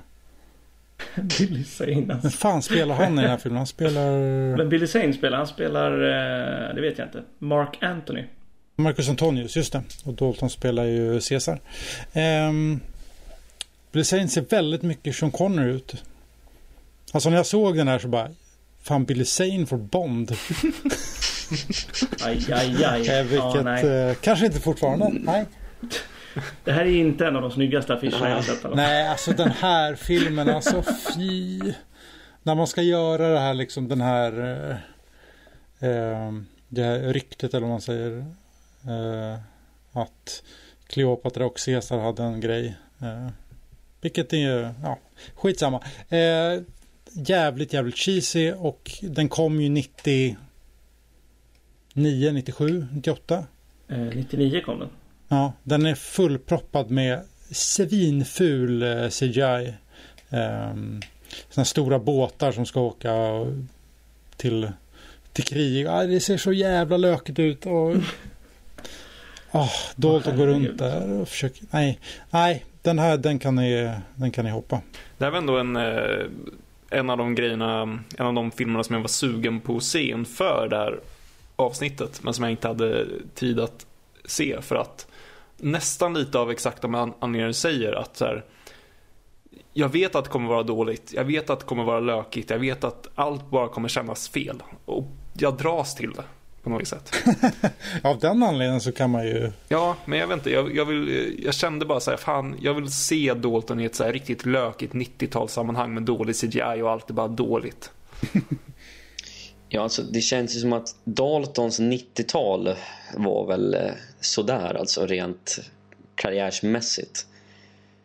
Eh, han gjorde mycket tv-filmer och det är inte mycket man känner igen när man kollar igenom hans IMDB-sida. Nej. Eh, sen... Eh, det är, jag vet inte. Är, är det en liten Bond-curse? Eh, den filmen jag har sett sen, ja, det är ju inne på 2000-talet, det är Looney Tunes Back in Action. Minns en sån här film, för det är ju precis rätt ålder för mig. Jag var sju typ när den kom, så den såg man på VHS med Snurre Sprätt och gänget som kommer in i verkliga världen. Eh, jag kan inte säga att jag minns särskilt mycket av den här filmen. Jag kollar upp den nu i efterhand och Dalton är väl med och har en ganska stor roll. Och det jag slås av, det här är 2003, han ser ändå rätt fräsch ut fortfarande. Eh, med lite... Han är född 40... 46 va? Ja. Men han, han är liksom ganska viril i den här filmen om jag kollar på bilderna. Men jag kan inte påstå att jag minns så mycket med att jag kollar på den väldigt ofta. Är det dags för hotfass eller? Oh, äntligen. Äntligen får vi snacka hotfass. ja, men det här är ju Daltons liksom eh, roll tillbaka i rampljuset på något oh, sätt. Herregud vad bra han är i det här. Det, det, det, oh. Ja, jag kan knappt prata ja. för jag blir helt, eh, jag blir, uh, uh, han är så bra. Ja men det är ju det är liksom här som, som han faktiskt liksom visar att, eller där jag, där jag fattade kanske att det är, jag tycker typ att han är bäst i komedier när han får spela lite överdrivna, absurda karaktärer. Ja, alltså det känns ju verkligen som att här är han ju verkligen, det är ju handen i handsken. Det var typ det här han var född att göra. Ja, precis. Alltså, eh, för någon som inte har sett Hot Fuzz så är ju det en eh, brittisk komedi av eh, jag tror det är Simon Pegg som har skrivit manuset också och som även spelar huvudrollen. Och eh, som en polis som kommer till, eh, blir omflyttad från London till en eh, jättetråkig by på landsbygden. Och där Timothy Dalton spelar ja, men, eh, ägaren till en matbutik i, på den orten. och bara är typ... Ja, det var väldigt länge sedan jag såg den men ja. Ja, och typ bara går runt i kostym och är typ eh, vräkig och glimten i ögat och eh, skämtar och är högljudd typ. Ja men alltså herregud. I somras när vi träffades så satt du och jag och snackade om våra favoritfilmer. Vi pratade om våra topp 20. Så när jag satt på tåget på vägen hem så gjorde jag en egen topp 20-lista och bland de första filmerna jag petade in på den listan är Hot Fuzz för att jävlar vad jag älskar den här filmen. Alltså det här är... Jag, ser, jag kollar på den alldeles för ofta. Eh, och mycket är på grund av liksom, främst är det kemin mellan Eh, Simon Pegg och Nick Frost, huvudrollsinnehavarna, men även för att Dalton är så jävla rolig. Alltså varenda liten min han gör, varenda liten replik är ju kul för att det känns som att den här rollen är skriven för honom. Och med det här, mitt kanske favoritögonblick av visuell humor i någon film någonsin är när man är inne på hans personalrum och så är det en tavla på honom när han, står, han ler in i kameran. Och så ställer sig Dalton framför samma, framför samma tavla och ler på exakt samma sätt. Alltså, har, ni, har ni inte sett filmen så se på åtminstone klippet på Youtube för varenda gång jag ser det så dör jag av skratt bara för det är så jävla dumt. Men det, det, åh, det är en helt fantastisk film. ja, det är så fint när Emil blir lycklig på det här lite barnsliga mm. sättet. Och jag kommer, åh. When's your birthday? Sen vad den säger för datum typ 5th of April. What year? Ja. Every year. Every, every year. det är faktiskt väldigt kul. Oh. Och just det där, Men... liksom, utan att spoila filmen, för mycket hänger ju på liksom Daltons karaktär. Men att det är liksom så kul att han dyker upp på alla mordplatser hela tiden på mest bizarra sätten varenda gång. För det, han, den här Londonpolisen hamnar i den här staden där det inte händer någonting alls och så sker det bara massa mord helt plötsligt och han börjar misstänka Dalton för att han går ju runt och är riktigt konstig. Så åker han väl förbi i någon bil, en sån kabbad bil på väg till jobbet och tittar bara på, på Simon Pegg och bara liksom drar handen över halsen så här, som att han hugger huvudet av honom. Och bara så här, varför gör han det? Liksom? Man, alltså han bara dyker upp hela tiden och är det hotet. Fast man, ah, jag vet jag kan inte sätta i ord hur mycket jag älskar den här filmen. ja, det finns ju en Bond-koppling till också. Eh, Arnold. Mm. Ja, just det. Arnold, just det, han gjorde musiken. Mm. Det är lite kul.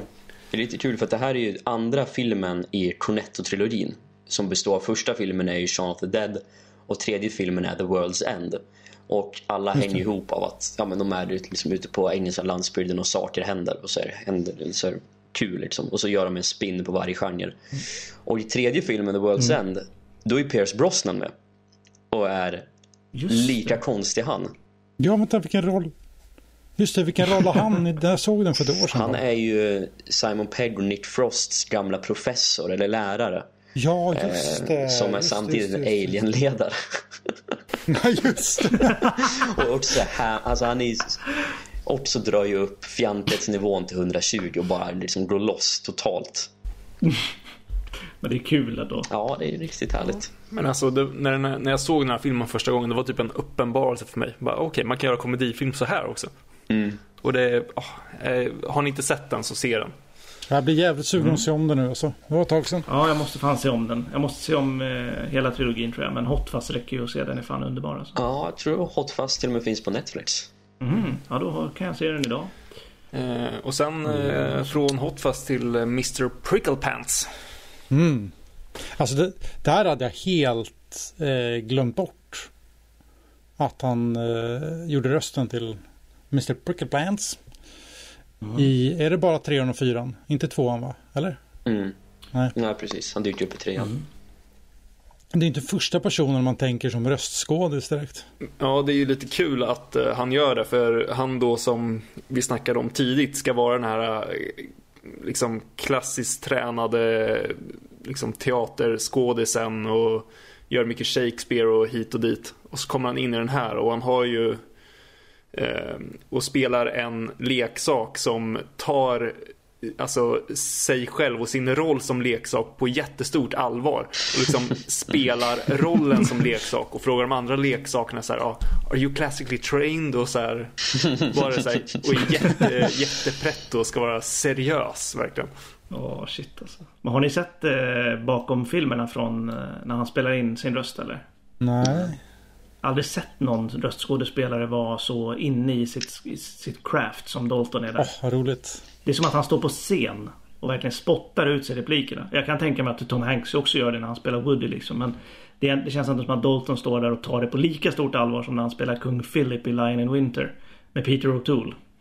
Eh, vilket han säkert gjorde också. Men eh, det är så häftigt att se liksom att det är en sån liksom på ytan ganska löjlig sak att spela en liten igelkott med läderhosen liksom.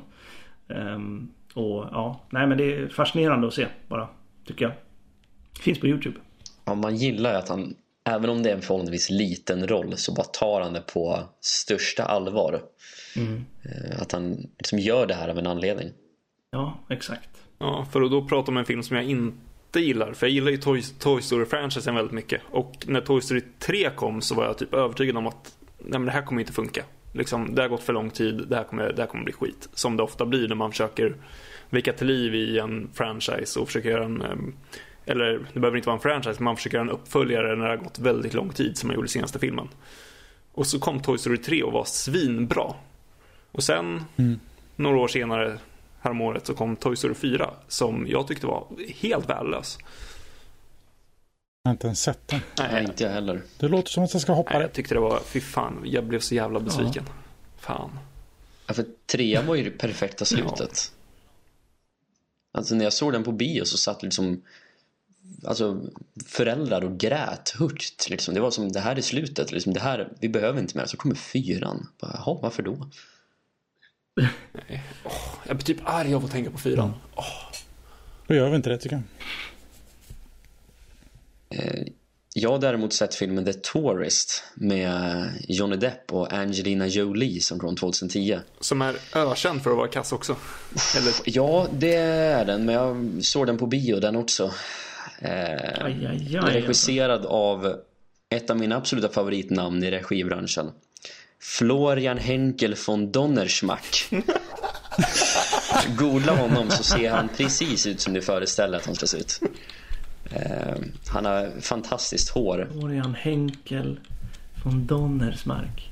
Och jävlar vad han ser ut som en blandning av två personer. Ut, och jävlar! Det ser ut som han har fått en stöt. Han ser ut som statiskt hår hela tiden. exakt, det, han ser inte ut så som en människa ska göra. Han ser ut som en blandning av två människor.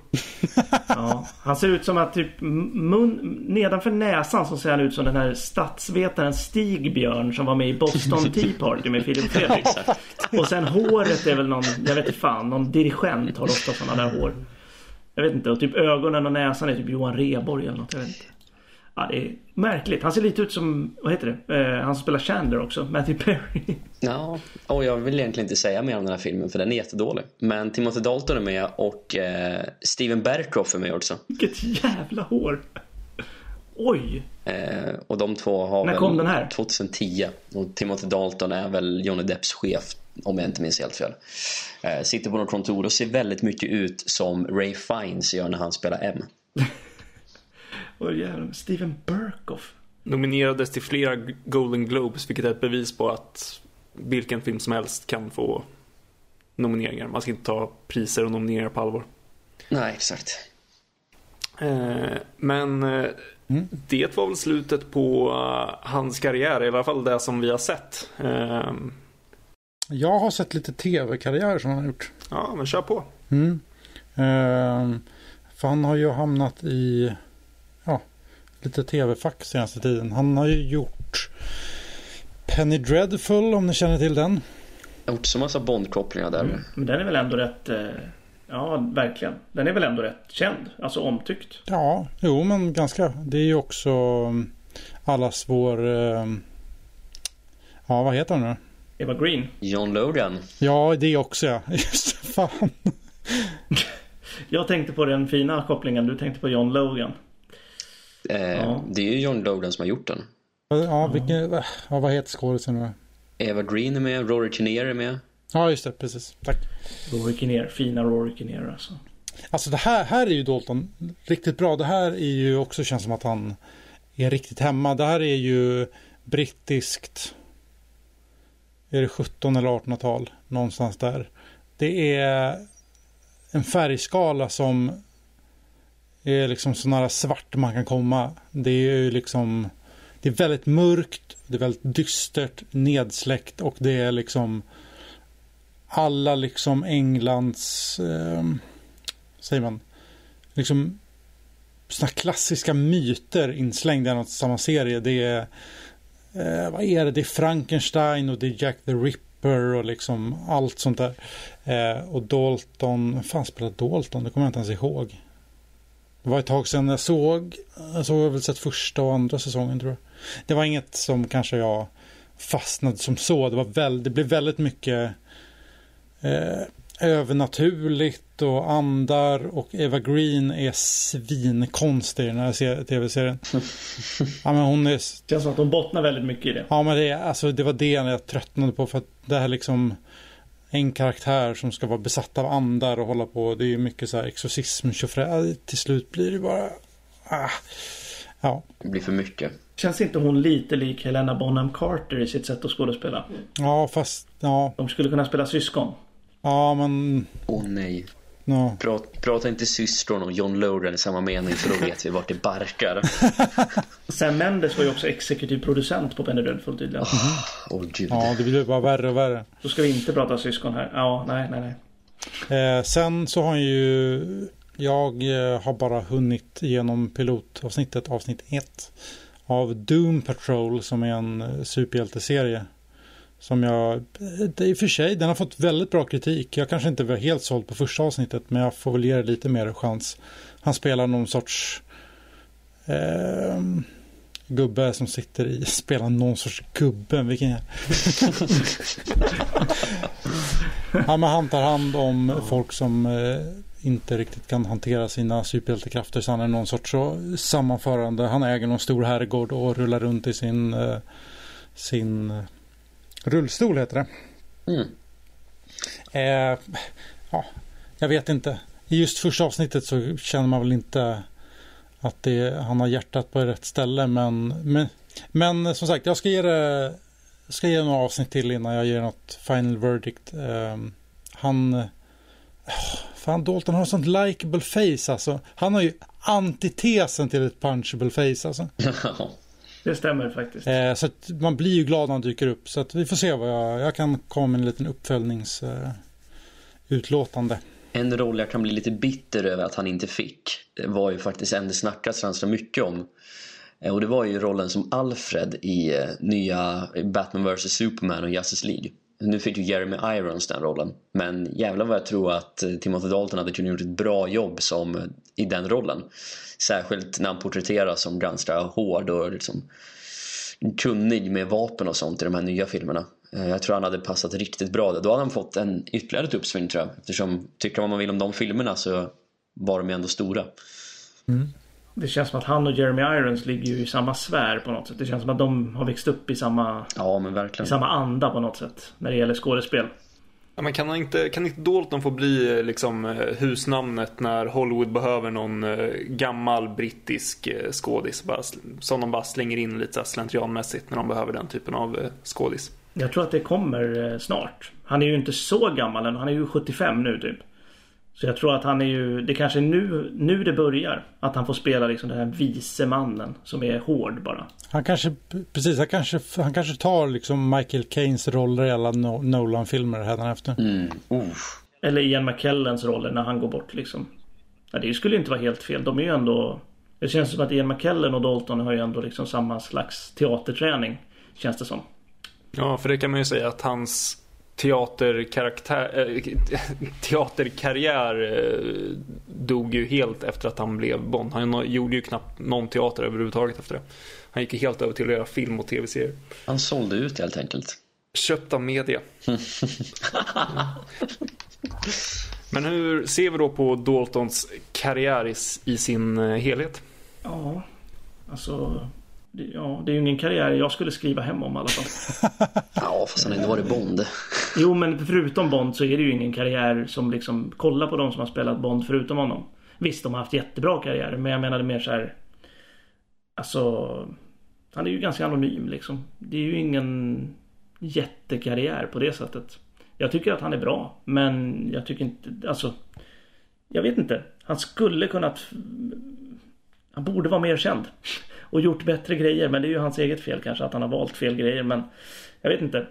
Det känns som att hans Hans färdigheter gör sig inte rättvisa av hur känd han är. Men så är det väl med många förvisso. Men det är väl så jag kan säga om hans karriär. Egentligen, ja, kort och gott. Men den som vi har sagt, eh, den kanske kommer. Ja, vi hade ju inte slut än liksom. Nej. När vi summerar kanske han är en legend. Det vet vi inte. Ja, men det jag tycker är fascinerande med Dalton och det som jag, ja, men som jag sa alldeles nyss. Att eh, att jag eh, har liksom upptäckt att jag tycker att han är bäst i, i roliga, liksom vrickade roller. Um, och det är fascinerande med liksom en person som Alltså hans tidiga karriär var teater. Han var liksom helhjärtad liksom Shakespeare klassisk brittisk eh, upplärd skådis. Teaterskådis.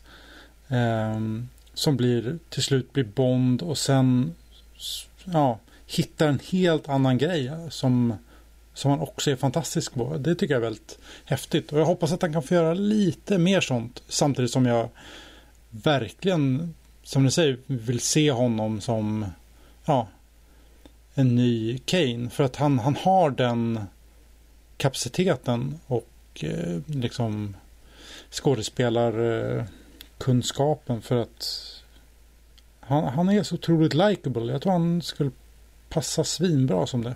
Ja men exakt, jag tycker ändå tyder på en hel del självdistans och, och att han verkar rätt skön just att han kan ta de här väldigt annorlunda rollerna så tidigt i sin karriär. För han var ju verkligen en typisk brittisk teaterskådespelare som ska hålla på med Shakespeare och, och, liknande. Och sen går han och gör liksom alla de här märkliga filmerna vi redan har pratat om och sen blir han Bond också. Jag menar, jag tror att hade någon frågat honom 1968 vart ser du dig själv om 20 år så tror jag inte han hade sagt att han ser sig själv som Bond. Eh, för att hans karriär var säkert på väg åt ett annat håll. Men av olika anledningar så hamnade han på det spåret och sen fick han vad som kanske är världens kändaste filmroll. Och även om hans karriär i övrigt kanske lämnar en del att önska så kom han vara Bond för alltid och genom det kommer han alltid bli ihågkommen. Så han har ju ändå åstadkommit någonting väldigt stort på det sättet. Inte ihågkommen i Sverige. Nej, precis. på pubquiz är han inte ihågkommen. Eh, men att... Eh, nej men... Visst, det hade varit kul om han hade kanske fått göra mer eh, stora filmer och kanske lite tyngre roller och vara med i någon Oscarssväng någon gång och faktiskt visa hur bra han faktiskt kan vara. Men ibland blir det inte som man har tänkt och det får man kanske vara glad över också. Ehm, så ja, jag, jag önskar att han har gjort att han har gjort mer filmer man faktiskt vill titta på. Men han har gjort Bond, han har gjort Hot Fuzz och det räcker ta med fan i min bok. Det är inte dåligt alltså. Nej. Men sen, jag tänkte också lite på det eh, så här, eh, alltså en sån som eh, Connery som liksom var störst på jorden. Jag menar om hans karriär kan lite gå i det under drygt ett årtionde och sen att han får någon form av renässans så är det väl kanske inte för sent för Dalton att få någon form av renässans än. Han kan ju säkert eh, fortfarande få vettiga roller. Ja, jag menar Roger Moore fick ju ingen renässans överhuvudtaget. Och han var ju ändå en megastjärna tills han dog. Så att... Ja, men det jag tror också problemet med Dalton är att han är, ganska, han är väldigt privat av sig. Han är ju ingen liksom public figure på det sättet. Han är ju ingen liksom offentlig person som Moore var och som Brosnan är och som Connery kanske inte var det men Moore i alla fall. Det känns som att Dalton bjuder liksom inte... Nej, han sitter ju inte och blir full i soffan hos eh, Graham Norton. Nej, exakt. Exakt. Absolut inte. Men det känns som att eh, Dalton hade ju med lätthet kunnat bli en sån här eh, alltså pretentiös eh, Shakespeare-skådis liksom. Med tanke på den utbildningen han har och bara sitta och bara göra sådana tunga roller och bli, bli en sån liksom. Men eh, som du sa Emanuel, han har ju det tyder ändå på någon slags självdistans att han spelar en igelkott med läderhosen i en tecknad film sen liksom. Och eh, ja, hela den biten liksom. Och Hot också såklart. Så att det tyder ju ändå på någonting. Han verkar vara en jävla helylle kille liksom. Ja, man har hört liksom utifrån utanför liksom rampljuset på det sättet också. Mycket drama med Mel Gibson och skit. Ja, exakt. Eh, men ja, nej men det är ju um, hoppas på att han får en, ja, lite fler roller som gör att han får lite mer upprättelse. Lite, lite mer liksom notoriety på sin karriär på något ja, sätt. i alla fall någonting som kanske hoppas jag. kan göra ett avtryck eh, i det allmänna på något sätt. Det är väl lite det, är väl lite det han har saknat i och med att hans, eh, ja. hans Bond-karriär någonstans hamnade väldigt mycket i skymundan och är bortglömd. Att han kanske kan få någonting, någonting där han bara så här okej, okay, här, här är jag, ni vet också resten av världen vem jag är och sen kan han bara gå i pension. Ja men typ, exakt så. Han hamnade ju ganska otacksamt mellan två av de mest populära Bond-skådespelarna också. Eh, men eh, med det sagt ska vi ta och pensionera det här avsnittet. Ja, kanske ja. dags så. Ja. Det är ändå mm, lite skönt att eh, få göra ett hyllningsavsnitt innan någon går bort. Ja, precis. Vi har gjort två ofrivilliga avsnitt om de två största Bondskådespelarna kanske. Um, som vi inte gärna mm. hade gjort uh, på förhand i alla fall. Men så blev det som det blev med Connery och Moore. Men vi har också gjort ett Lazenby-avsnitt. Även om det var väldigt fokuserat på dokumentären så tog vi ändå Lazenbys ja, så kallade karriär även där. ja, jo. Vi har ju bara två killar kvar nu. Eller ja, vi kan ju göra Barry Nelsons karriär om vi vill. Men det är ju inget någon av oss är taggade på kanske. Ja, för visst har vi gjort ett Craig-avsnitt också? Ja, eller Craig som Bond, men inte Craig i andra. Ja, just det. Just Nej, vi har ju inte gjort ja. Layer Cake och resten. Ja, eller så tycker jag att vi gör Barry Nelson. Snacka, bara för att kunna få snacka The Shining i någon timme. ja, men exakt. Ja. det känns som ett David Niven-avsnitt kan man ändå göra. Där känns det ändå som att det finns grejer att säga. Jävlar vilken karriär han har haft ändå. Otrolig. Ja, älskar David Niven alltså. Ja, det finns mycket att säga om David Niven. Så kör vi Peter Sellers avsnitt sen också. Absolut, Woody Allen avsnitt. Alla, alla, alla kör vi. Men eh, Emil, du sa ju i förra avsnittet att eh, Undertrade, om han inte hade fixat biljetter till eh, Bond-premiären till det här avsnittet så skulle vi sluta, ja, sluta använda honom som sponsor. Vad, har- vad har hänt? Ja, är det för jävla dåligt? Inga biljetter än. Så eh, gå absolut inte in på From Sweden with Love.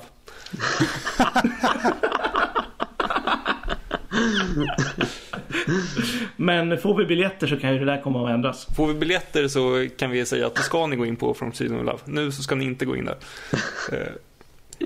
Men så kan ni också, eh, istället för att gå in på From Sweden Love så kan ni ju gå in på agent07.nu. Eh, Thomas Truggs eh, sida. Ja. Klicka på länken till det här avsnittet. Eh, Och ja, tack till er som lyssnar måste vi ju faktiskt säga också. Och tack till producenten Anton Lotander och Lars Logotyp. Och tack till er. Och tack till, tack till Timothy Dalton. Och tack till dig Emil. Ja, tack till Dalton och dig och Ja, tack. lyssnarna och alltså. till... Faktiskt Sextett och Mae West och Florian Hinkels eh, hår vill jag tacka. Och Vanessa Redgrave vill vi också tacka. Ja, Oss kan ni i alla fall lyssna på i nästa avsnitt så vi hörs då så får ni ha det så bra så länge. trevlig vår. Hej då. tack och godnatt, hej då. Hej!